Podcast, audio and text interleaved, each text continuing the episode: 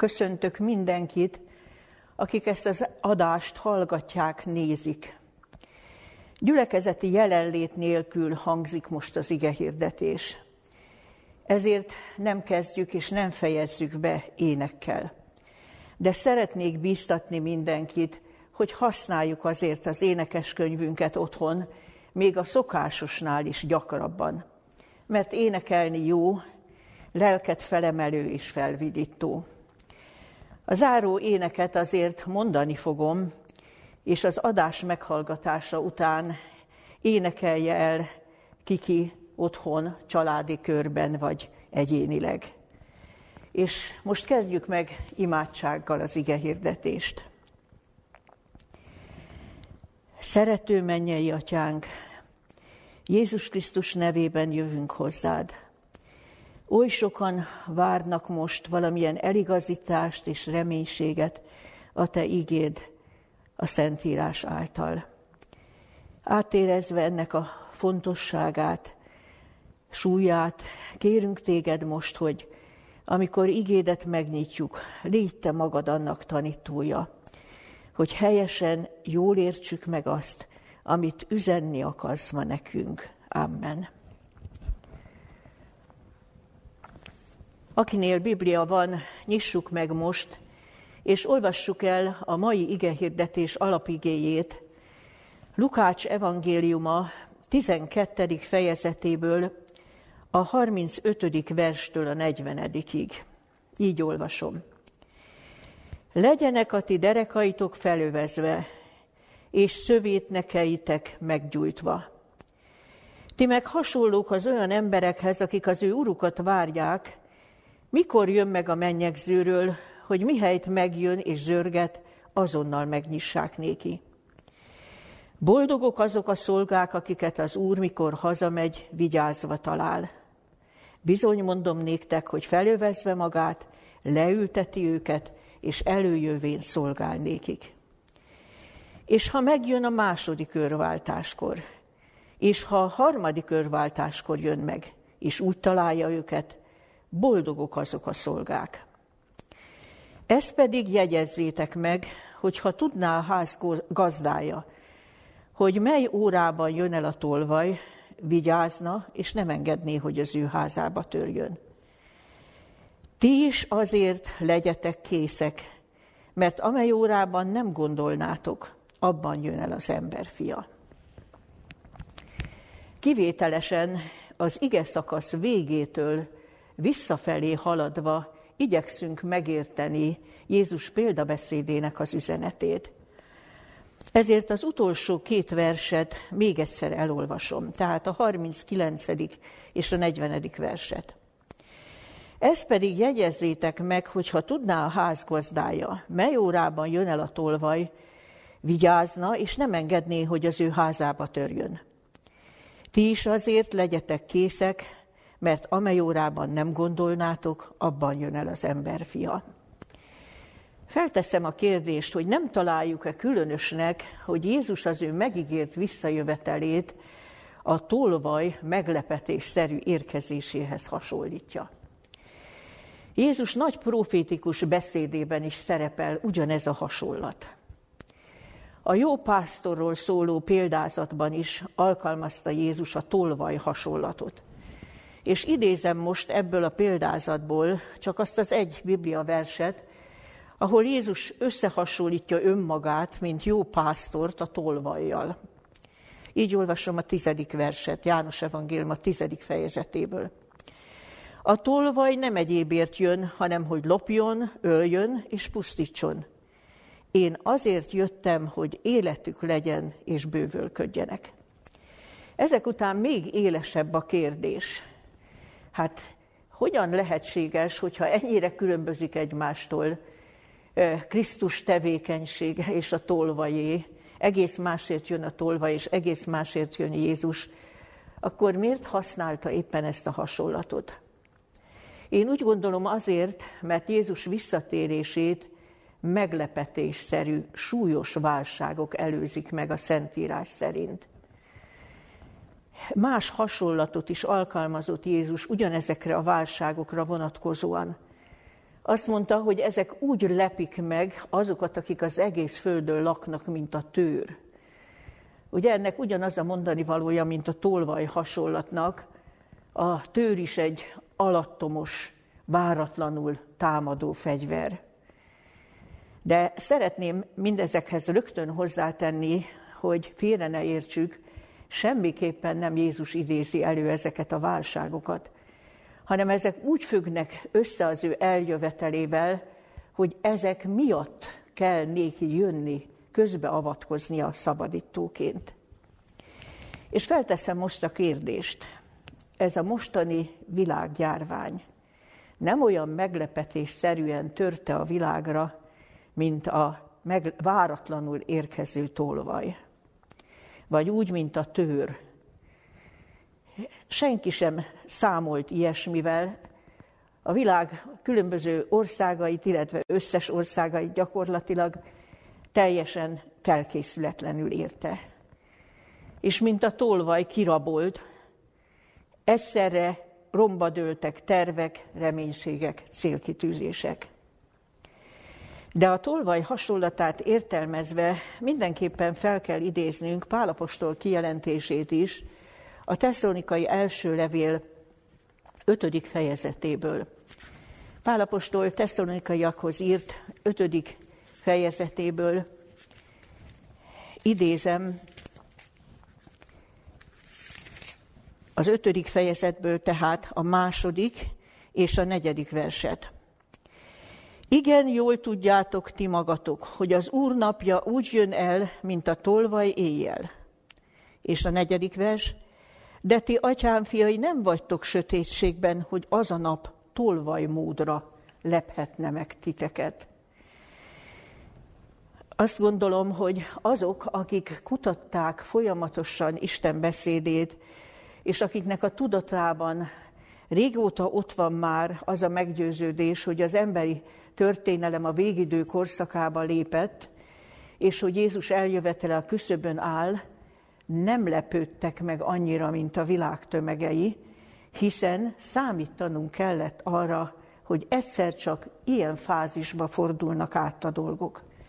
De minden esetre mégis váratlanul ért, hiszen ezért van ott Jézus figyelmeztetése, hogy azért legyetek készen ti is, és ez kifejezetten a tanítványoknak szól, mert amely órában nem gondolnátok, abban jön el az emberfia. És tulajdonképpen fel kell ismernünk azt, hogy Isten nagyon is kegyelmesen, késleltetve, fékezve engedik ránk, engedi ránk az ő eljövetelét megelőző válságokat. Vegyük csak számba, hogy milyen jelzéseket kaptunk a 21. század elejétől fogva. Emlékszem, éppen utaztam valahova 2001. szeptember 11-én, amikor egy benzinkútnál tudomást szereztünk arról a támadásról, ami az öngyilkos merénylők által a New Yorki világkereskedelemi központ tornyait érte, és akkor valaki így informált engem telefonon, ezután már semmi sem lesz úgy, ahogy azelőtt volt. És ez az esemény elindította azt a folyamatot, amiről Jézus előre szólt, hogy az ő eljövettel előtti világ olyan lesz, mint Noé napjai, amikor is betelt a föld erőszakkal. Ugye a, a szörnyű támadásra jött a megtorlás, arra megint a megtorlás, és európai nagyvárosok lakói, akik semmi ilyesmire nem számítottak, azzal kellett szembesülniük, hogy, hogy szörnyűséges orvtámadásoknak, gyilkos támadásoknak az áldozatai lehetnek váratlanul. És azóta csak telik-telik a mi világunk az erőszakkal. Aztán gondoljunk arra, hogy jött az éghajlatváltozás. Körülbelül nagyjából 2015-től fogva a szakértők, a tudós világ mind határozottabban és fogalmazott, és mind drámai jelentéseket tettek közzé. Ugye emlékszünk erre, hogy hallottunk ilyeneket, hogy 2030-ban, ha nem történik nagyon gyökeres változás a jelenlegi civilizáció működésében, akkor már szinte élhetetlenné válik a világ. Aztán tavaly nyáron két ausztrál kutató ilyen mondatot fogalmazott meg, 2050-ben nagy valószínűséggel véget ér az emberi civilizáció. És nem csak hangzottak ezek a figyelmeztetések, hanem tapasztalható volt, hogy egyre döbbenetesebb természeti katasztrófák csapnak le hol itt és hol ott. És most harmadikként itt van ez a teljesen váratlan világjárvány, ami szinte megbénította az életet, mindenki bizonytalan, mindenki felkészületlen, és nem tudni, mi következik utána. Mindenki azt hangoztatja, hogy ilyennel még soha nem találkozott, soha sem szembesült a világ. Azért most gondolkozzunk csak egy kicsit, az első ilyen nagyon komoly jelzés majdnem húsz éve volt. Aztán körülbelül öt évvel ezelőtt kezdődött az éghajlatváltozás miatti riadó és most itt van ez a világjárvány. Tehát tulajdonképpen azokat, akik kutatták az írást, nem érhette ez tolvajmódra, teljesen meglepetésszerűen, de ahogy mondtam, mégis váratlanul ért. Azt hiszem, minden Krisztus várót, minden hívő tanítványt is. De térjünk vissza ezután a felolvasott ige szakasznak az elejéhez. Tehát újra olvasom Lukács evangéliuma 12. fejezetéből az igét, a 35. verstől a 38-ig. Így hangzik. Legyenek a ti derekaitok felövezve, és szövétnekeitek meggyújtva. Ti meg hasonlók az olyan emberekhez, akik az ő urukat várják, mikor jön meg a mennyegzőről, hogy mihelyt megjön és zörget, azonnal megnyissák néki. Boldogok azok a szolgák, akiket az Úr mikor hazamegy, vigyázva talál. Bizony mondom néktek, hogy felövezvén magát, leülteti őket, és előjövén szolgál nékik.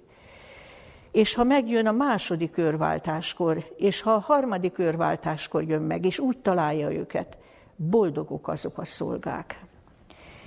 E, ez a felhívás, amivel kezdődik ez az ige szakasz, hogy legyenek a ti derekaitok felövezve, és a ti szövétnekeitek, vagyis lámpásaitok meggyújtva, mindenképpen felidézi a tíz szűz példázatát, ami Jézus nagy profétikus beszédében hangzott el.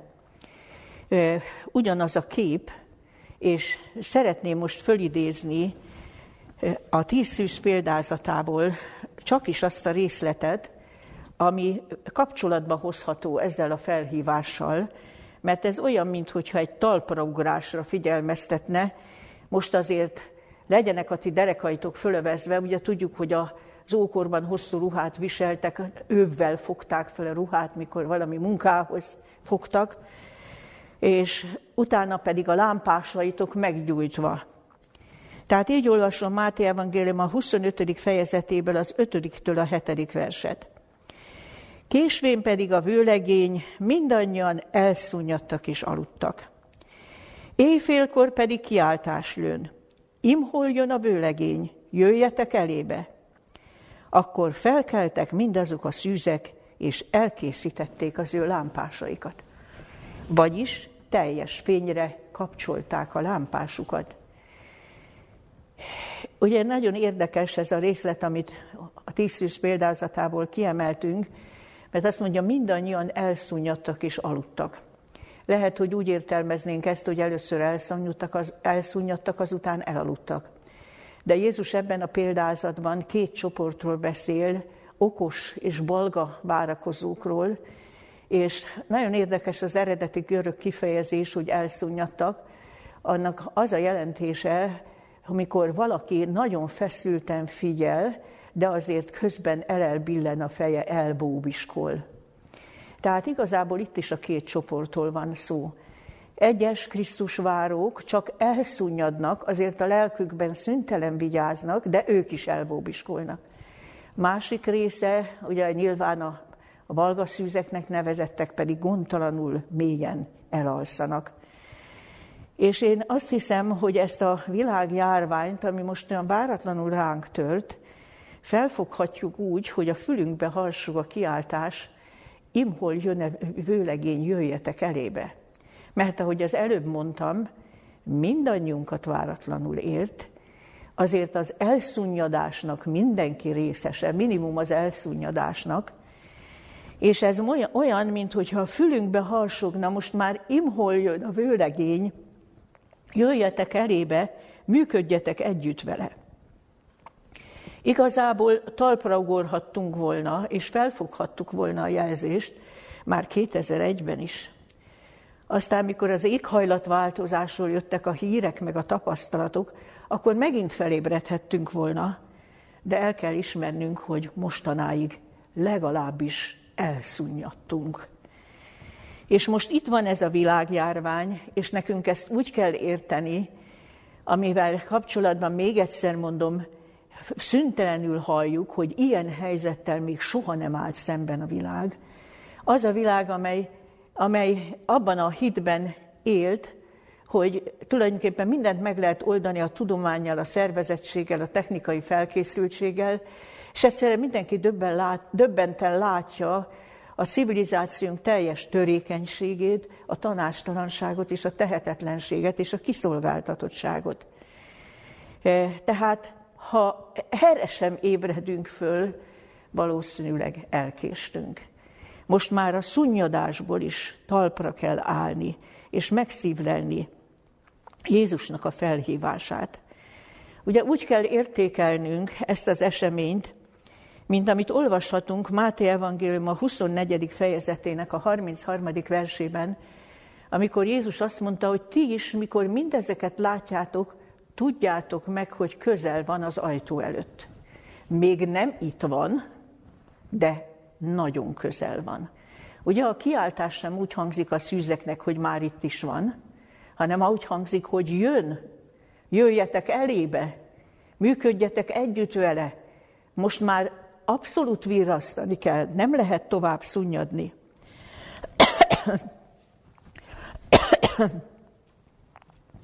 Hangsúlyoznom kell azonban ezzel a világjárványjal kapcsolatban, hogy ez még semmiképpen nem a vég. Még nem sorakozott fel az a négy tünet, amelyek együtt fognak megjelenni Jézus szava szerint, amiről Máté evangélium a 24. fejezetének a 6-tól 8. verse beszél, hogy hallanotok kell majd háborúkról, háborúk híreiről, nemzet támad nemzet ellen, ország ország ellen, és lesznek éjségek, járványok, földindulások mindenfelé.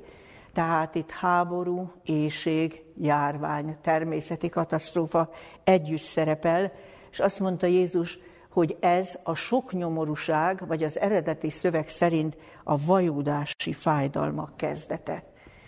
És még az sem a vég, erre még majd visszatérek később, mert Jézus azt mondta, hogy mikor már az a négy lesz együtt, még akkor is ti meg ne rémüljetek, mert ezeknek meg kell lenni, de ez, ez még mindig nem itt a vég. Tehát helyesen értékeljük ezt a világjárványt, ez most arra figyelmeztet, hogy talpra, mert jön, mert már szinte az ajtó előtt áll, de nem azt jelenti, hogy itt van a vég. Még a vajudási fájdalma kezdete tipikus, összetett válság jelenséges sem állt fel egészen. És ezek után felmerül bennünk az a kérdés, hogy miről szól Lukács evangéliumában Jézus, amikor azt mondja, hogy legyenek a, legyenek a ti derekaitok felövezve. Ugye említettem, hogy ez munkára fel, körülbelül ezzel egyenértékű, és most gondoljunk arra, hogy az emberekben rengeteg kérdést kavar fel ez a világjárvány. És itt jegyzem meg, hogy többen kérdezték tőlem a közelmúltban, hogy nem nagyon értik, hogy Jézus a nagy profétikus beszédében azt mondta, hogy tömegek lesznek, akik az utolsó percig e, adnak, vesznek, házasodnak, férhez mennek, és nem vesznek észre semmit. Hát hogy lehet ilyesmiket nem észrevenni? Nos, szeretném mondani, hogy az eredeti görög szövegben nem pontosan erről van szó, nem tökéletes ez a fordítás, mert ott arról van szó, hogy nem jönnek tudatára. A semmi szó nem is szerepel, hanem az, hogy nem fogják föl. Nem értelmezik helyesen, de arról nincs szó, hogy nem veszik észre. És mivel észreveszik, nagyon sok emberben nagyon sok kérdés merül föl. Ugye azt is meglepődve tapasztalhatjuk, hogy a mi vallástalan világunkban most mindenki imára hívnak, és egész drámai közös imádkozásokra kerül sor. Milyen szokatlan ez a 21. században a szekularizáció hátterén. És ez azt jelenti, és ez arra figyelmeztet bennünket, hogy munkára fel, mert a bizonyságtevésnek, az, a tiszta evangéliumnak, az eredeti Jézusi evangéliumnak hangzani kell. Az erről való bizonyságtevésnek az ideje itt van. Szeretnék néhány sort felolvasni egy szociálpszichológus, nevezetesen Csepeli György fogalmazott így néhány nappal ezelőtt egy vele készített interjú során. Az emberiség utat vesztett. Ez a járvány figyelmeztetés volt. Fel kell készülnünk hasonlókra. A nyakló nélküli gazdasági növekedés, az önzés és a mohóság kultúrája át kell, hogy adja helyét egy igazságos, fenntartható fejlődésnek. Ugye milyen rövid látlelet, és nagyon sok ember jut ilyen következtetésekhez, és sok kérdésre várnak az emberek választ. És azt is halljuk lépten nyomon, hogy hálásak legyünk azoknak, akik most küzdenek értünk, és valóban hálásaknak is kell lennünk, amíg visszatér az élet a régi kerékvágásba. Nos, én azt gondolom, hogy ezt nem kéne mondani. Illetve hát nem lehet számon kérni azokon, akik mondják, mert hiszen Isten igéje ismeretében mondhatjuk csak azt, hogy az élet már nem fog visszatérni a régi kerékvágásba. Azt azért mindenki mondja, hogy nagyon súlyos gazdasági világválság fogja követni ezt a világjárványt, és engem nagyon elgondolkoztatott, hogy valaki így nyilatkozott, hogy ez a világválság nem a 2008-as világválsághoz, világgazdasági válsághoz fog hasonlítani, hanem az 1929-eshez. Aki egy kicsit ismeri a történelmet, abban rögtön felidézik, felidéződik az a borzalmas munkanélküliség, az a kimondhatatlan szegénység, és az is, hogy tulajdonképpen az 1929-ben kitört gazdasági világválság volt az, ami megágyazott a második világháborúnak. Hallottam én is ezt emlegetni emberektől, hogy a súlyos világi gazdasági válságot mindig háborúk szokták követni. És feltenném azt a kérdést, ha, ha már felidéződik, hogy mi jött 1929 után, hogy nem történhet-e meg az, hogy ez a mostani világjárvány ugyan még lecsendesedik, de olyan gazdasági világválság jön utána, ami előidézheti azt, amiről Máté 24, 6-tól 8 beszél, hogy együtt nemzet nemzet ellen, ország ország ellen, éjségek, járványok és természeti katasztrófák. Ez egyáltalán nem kizárható. De még Jézus figyelmeztetését még egyszer ismétlem, még az sem a vég, nem szabad megrémülni. Jézus profétikus beszédének a Lukács evangéliuma szerinti lejegyzésében, Lukács 21.9-ben ezt olvassuk, de nem jön mindjárt a vég. És hadd tegyem fel ezt a kérdést, noha ez már a vajudási fájdalmak kezdete lesz, és utána felgyorsulva pereg le minden, de mi az, aminek még következni kell? Ugye ekkor, ha ezt a borzalmas négy összetevőjű válságot túléli az emberiség, akik túlélik, akkor már igazán felébredés lesz, és a végveszélynek a tudatára döbbenés. És akkor az emberiség megpróbál még egyszer egy Bábel tornyot építeni, emberi, példátlan emberi összefogással valahogyan megpróbálni, megakadályozni a véget, És szeretném felhívni a figyelmet arra, hogy az előbbi interjúban idéztem egy részletet, most elolvasnám a végét is, hogy lássuk, hogy, hogy mi az, ami érik az emberek gondolkodásában, hogy mit kellene tenni ezekkel a válságjelenségekkel szemben. Tehát még egyszer olvasom az idézetet most már egészében. Az emberiség utat vesztett, ez a járvány figyelmeztetés volt. Fel kell készülnünk hasonlókra. A nyakló nélküli gazdasági növekedés, az önzés és a mohóság kultúrája át kell, hogy adja helyét egy igazságos, fenntartható fejlődésnek, aminek szintere az egész világ. Technológiailag a feltételek adottak. A dolgok és az emberek internete, a mesterséges intelligencia lehetővé teszi a globális közjó politikáját. Tehát van egy látomás már arról, hogy amikor a végveszély már tényleg felébreszti az emberiséget, akkor mit kellene kiépíteni. És ennek nyomán annak is be kell teljesedni, amit Jézus így mondott, hogy Isten országának ez az evangélium is fel fog hangzani ebben az időben, vagyis a hiteles eredeti Jézusi evangélium, mégpedig az egész földön minden népnek ahhoz hasonló erővel, a Szentlélek kiárasztásával, mint ami az első pünköstöt jellemezte.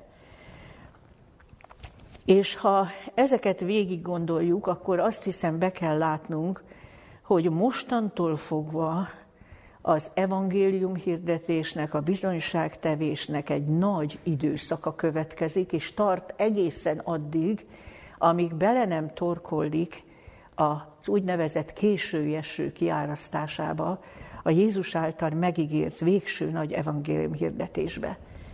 És itt feltennék egy nagyon gyakorlatias kérdést mindannyiunknak. Felövesztük-e magunkat már eddig? Munkához fogtunk-e igazán? A környezetünkben élnek emberek. Gondolatban fussunk végig rajta.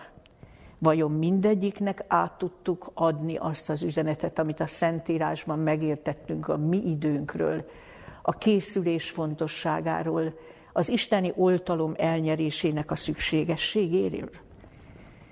De nem elég szóban bizonyságot tenni. Azt is olvassuk, hogy legyenek a ti lámpásaitok meggyújtva. És ugye a tíz szűz példázatára kell gondolnunk, mikor tud égni a lámpás, és mikor tud teljes fényel égni a lámpás, ha van benne elegendő olaj. Az olaj pedig, mint mindannyian tudjuk, a Szentléleknek a jelképe. És ez azt jelenti, hogy van egy szó nélkül is megvalósuló bizonyságtevés, ha a magatartásunk, a viselkedésünk, másokhoz való viszonyunk, az egész életmódunk olyan, mint a szétáradó, fénylő világosság. Eszembe jutott egy ige, mikor ehhez a ponthoz értem az ige hirdetésben való készülésre, mégpedig az az ige jutott eszembe az Ószövetségből, hogy mit mondott az a Sunemita asszony, eh, aki a férjével beszélt Elizeus profétáról, mert azt akarta, hogy építsenek egy szobát a házukban a profétának, hogyha arra jár, megpihenjen. És szeretném elolvasni csak ezt az egy verset, eh, Királyok második könyve, negyedik fejezetéből fogom olvasni a kilencedik verset, amely így hangzik. És mondta az asszony a férjének, Ímé úgy veszem észre, hogy ez az Isten embere, aki szüntelen erre jár át, szent ember. Azt tudják rólunk az emberek a környezetünkben, hogy úgymond istenes emberek vagyunk, vallásos emberek vagyunk. De vajon azt is hozzáteszik, észrevettem, hogy ez a vallásos ember, vagy ez az istenetes, istenes ember szent ember. Azt hiszem, hogy van miért olajat gyűjteni a lámpásunkba, hogy ez a lámpás valóban fényék és világítson. Úgy, ahogy Jézus mondta, ahogyan Pálapostól Jézus szavai alapján a Filippi levél második fejezetében mondja, legyetek fedhetetlenek és tiszták az elfordult és elvetemedett nemzetség közepette, akik között fényletek, mint csillagok a világon. A Filippi levél második fejezetének a 15. versében találjuk ezt az ígét.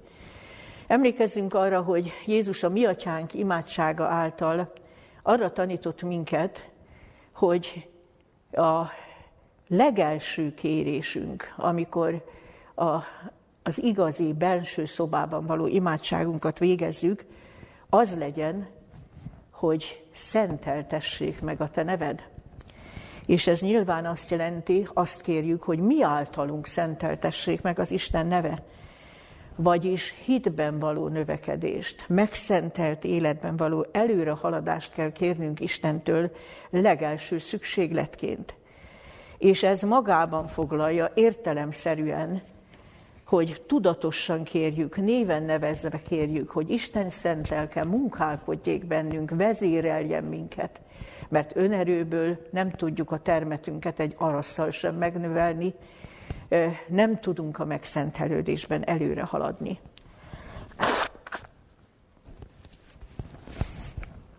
És olvassuk most ezután a következő verset az alapigényből. Illetve még a 36. versben egyetlen gondolatra térjünk vissza, mert így olvastuk, hogy ti legyetek hasonlók az olyan emberekhez, akik az ő urukat várják, mikor jön meg a mennyegzőről, hogy mihelyt megjön és zörget, azonnal megnyissák néki. Ugye mi ezt legszívesebben kiavítanánk, hogy, mert nem értjük, hogy mikor jön meg a mennyegzőről, inkább kiavítanánk, hogy mikor jön a mennyegzőre, amikor a népét, a hívő népét magához veszi. Azért gondolkodunk így, mert a, az általunk ismert menyegzőnek a képe van a szemünk előtt, de a tíz szűz példázata is, meg Jézusnak ez a példaveszéde is a keleti menyegzőnek a hasonlatára épül. És a keleti menyegző egy procedúra volt. Azzal kezdődött, hogy a vőlegény a menyasszony szüleitől elkérte a menyasszonyát. Mikor az engedélyt megkapta, akkor vette magához a menyasszonyt, és mentek a vőlegény apja házába, ahol a mennyegzői vacsorát tartották. Ugye a példázatot Krisztus jövetelére alkalmazva, a mennyegző hasonlatát erre alkalmazva, azt mondhatjuk, hogy itt a vőlegény apja és a mennyasszony apja ugyanaz, a mennyei atya.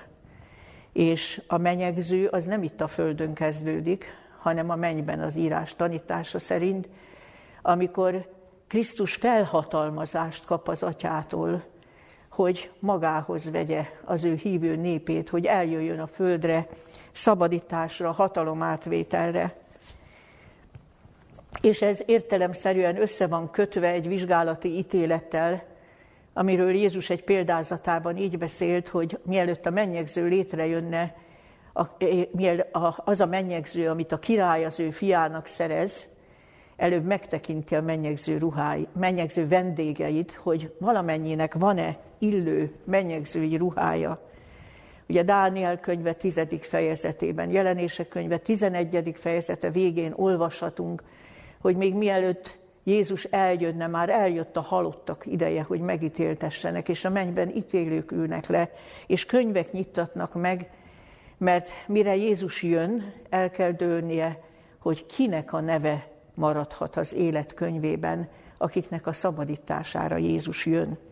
Ugye a jelenések könyve harmadik fejezete, ötödik versében erről Jézus így szól, aki győz, annak nevét nem törlöm ki az élet könyvéből. E, tehát az élet könyvébe lehet benne maradni, és lehet kitöröltetni, és ennek le kell zajlani, ezzel kezdődik a menyegző, ez a menyegző első mozzanata, mielőtt Jézus a földre érkeznék, hogy övéit magához vegye.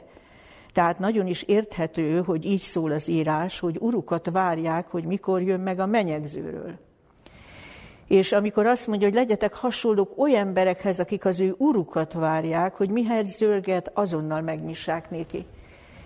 Ebben nem csak az van benne, hogy, hogy abszolút rendelkezésre állnak, hogy abszolút együttműködnek, és minden figyelmük arra irányul, hogy készítsék az Úrnak útját, és őt várják, és azonnal üdvözöljék, hanem benne van igazából az örömteli várakozásnak a képe is. Mert így olvassuk, az ő urukat várják. Ebben benne van, akit tisztelnek, akit szeretnek. A, vőlegényre várakozás egy mennyegzőn az egy örömteljes dolog. És szeretném itt hangsúlyozni, hogy nagyon vigyázzunk arra, nehogy komorrá váljunk, nehogy kétségbe essünk, nehogy a félelem rabságában vergődjünk ebben az időben, mert ez a hasonlat ennek ellentmond. Mi legyünk hasonlók olyan emberekhez, akik az ő urukat várják, szabadításra, boldog, végső és teljes szabadításra. Az örömnek nem szabad kialudni se a mi életünkből, és arra kell törekednünk, hogy mások életében is élesszük és belevigyük ezt az örömet. A 37. vers pedig valósággal megindító. Így olvassuk, boldogok azok a szolgák, akiket az Úr, mikor hazamegy, vigyázva talál. Bizony mondom néktek, hogy felövezvé magát, leülteti azokat, és előjövén szolgál nékik. Azért mondtam azt, hogy ez annyira megindító, mert ugye láttuk, hogy előbb felszólítja a szolgáit, hogy legyenek a derekaitok fölövezve. Azt mondja, most meg ő vezi föl magát, leülteti őket, és szolgál nekik.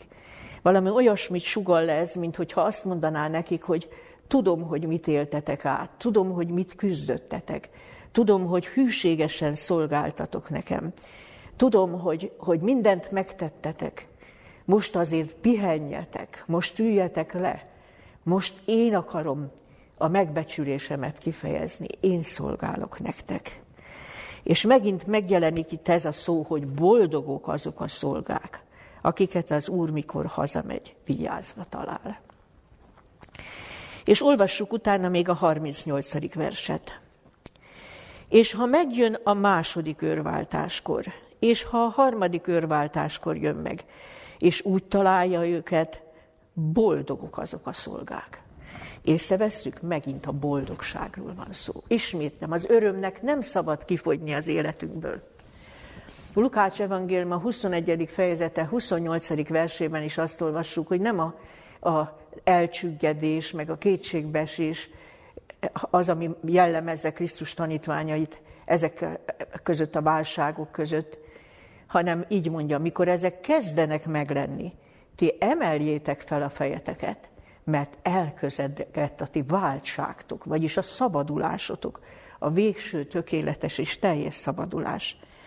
Egy nagyon érdekes, figyelemre méltó gondolat található Ellen White gyülekez, bizonyságtételeiben, a bizonyságtételek a gyülekezeteknek második kötet 190-től 193. oldalán a következőket lehet olvasni. Az advent váró két csoportjáról beszél, ennek a hasonlatnak az alapján, hogyha megjön a második őrváltáskor és a harmadik őrváltáskor jön meg, és virrasztva találja, és munkában találja őket, boldogok azok a szolgák. Az egyik csoportról azt mondja, hogy ezek így szólnak. Hát mi vártuk Jézust az első őrváltáskor, de nem jött.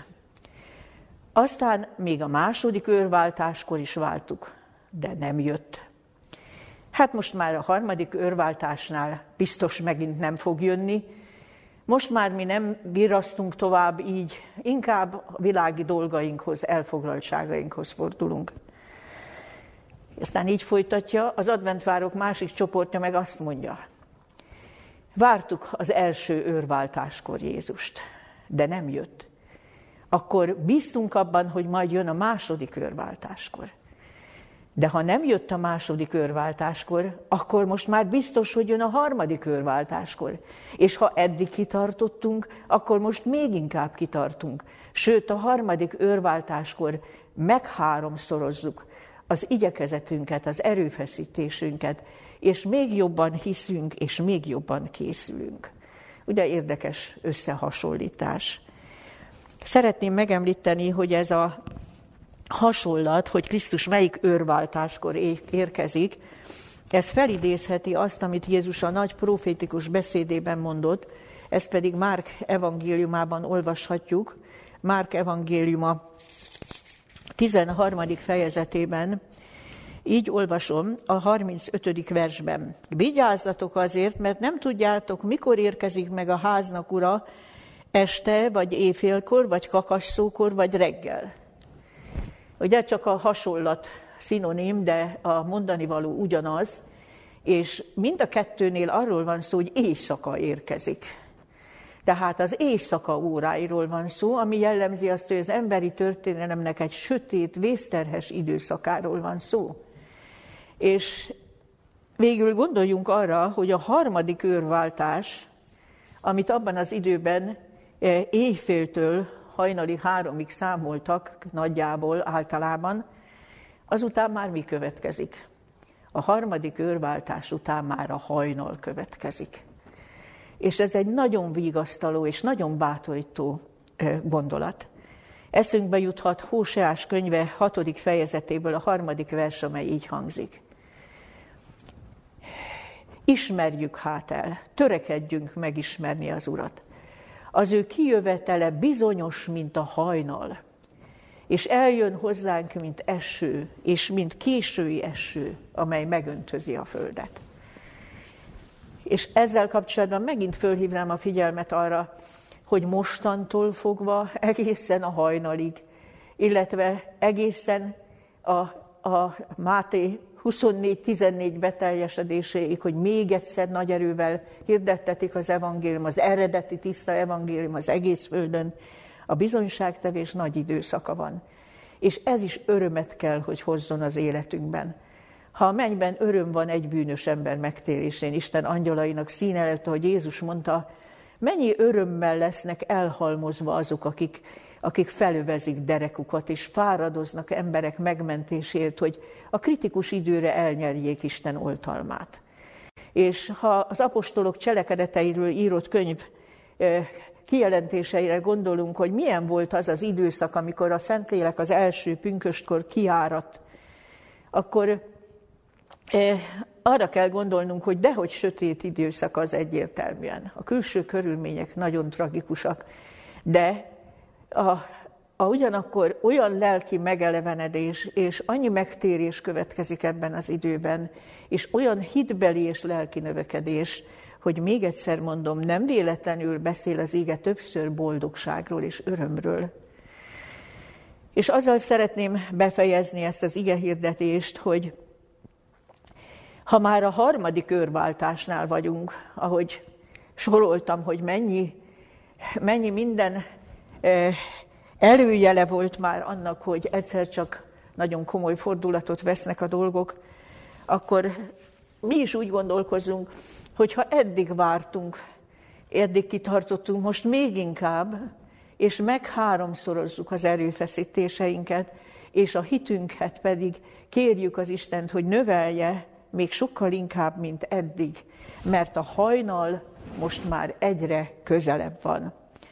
És szeretném befejezésül a zsidókhoz írt levélből idézni azt a mindenkorban érvényes bátorítást, hogy a lecsüggesztett kezeket és az ellankadt térdeket egyenesítsük föl, és aztán olvasom a, a tizedik fejezetből a következőket. Így olvasom a 35. verstől a 39-ig. Ne dobjátok el hát bizodalmatokat, amelynek nagy jutalma van, mert békességes tűrésre, vagy így is fordíthatnánk, álhatatosságra van szükségetek, hogy Isten akaratát cselekedve elnyerjétek az ígéretet. Mert még vajmi kevés idő, és aki eljövendő, eljön és nem késik. Az igaz pedig hitből él, és aki meghátrál, abban nem gyönyörködik lelkem. De mi nem vagyunk a meghátrálás emberei, hogy elveszünk, hanem a hitéi, hogy életet nyerjünk. Amen. Szerető mennyei atyánk, Jézus Krisztus nevében jövünk hozzád, és hálát adunk néked azért, hogy olyan nagy világosság árad a te igédből. Olyan bizonytalanul tapogatózunk, meg félelem fog el bennünket, ha csak a láthatókra nézünk, de amikor a Te igédet kinyitjuk, még a, az öröm, a reménység is eltölt bennünket, és egészen más szemmel nézünk azokra a dolgokra, amelyek körülvesznek bennünket. Istenünk, kérünk, légy kegyelmes hozzánk. Segíts, hogy el nem ulasszuk a talpraállást, amire bíztatsz. Add, hogy megértsük, hogy most fel kell övezni magunkat, munkához kell látni, és nagyon fontos, hogy bőségesen legyen olaj a lámpásunkban, és az teljes fényel világítson. És Urunk, köszönjük azokat az ígéreteket, amelyet adtál a virrasztó szolgáknak, akik a Te szavadat szívükre viszik, veszik. És Urunk, kérünk, add, hogy békességünk legyen, ne tudjon ledönteni lábunkról félelem, aggodalom, hiszen te mondtad, hogy semmi felől ne aggódjunk, és nem, a te igédben olvassuk, hogy mindenre van erőnk, te benned, aki te megerősítesz bennünket. És hadd kérjünk, Urunk, hogy addig engedd meg ezt a járványt, amíg elvégzi az intésnek, a figyelmeztetésnek azt a munkáját, amit te jónak látsz, és utána fékezd meg a, a, a gonoszt, aki idéz elő ilyen tragédiákat, akinek a következménye, aki munkájának a következménye, hogy világunkra ilyen válságok, csapások sújtanak le. És akkor, Urunk, adj egy kis enyhülést, felszabadulást. De segíts, Urunk, hogy minél kevesebb ember essen vissza a gondtalan bizakodás, élvezet, hajhászás állapotába, és minél többen legyenek, akik kérdeznek, gondolkodnak, keresnek, Urunk, köszönjük, hogy meghallgatott kérésünket, és kérünk, hogy mindannyiunkat a Te békességeddel, reménységgel bocsáss el, és add, hogy soha ne tűnjön el szemünk elől, hogy a hajnal közel van. Jézus nevért kérünk, hallgassd meg imádságunkat. Amen.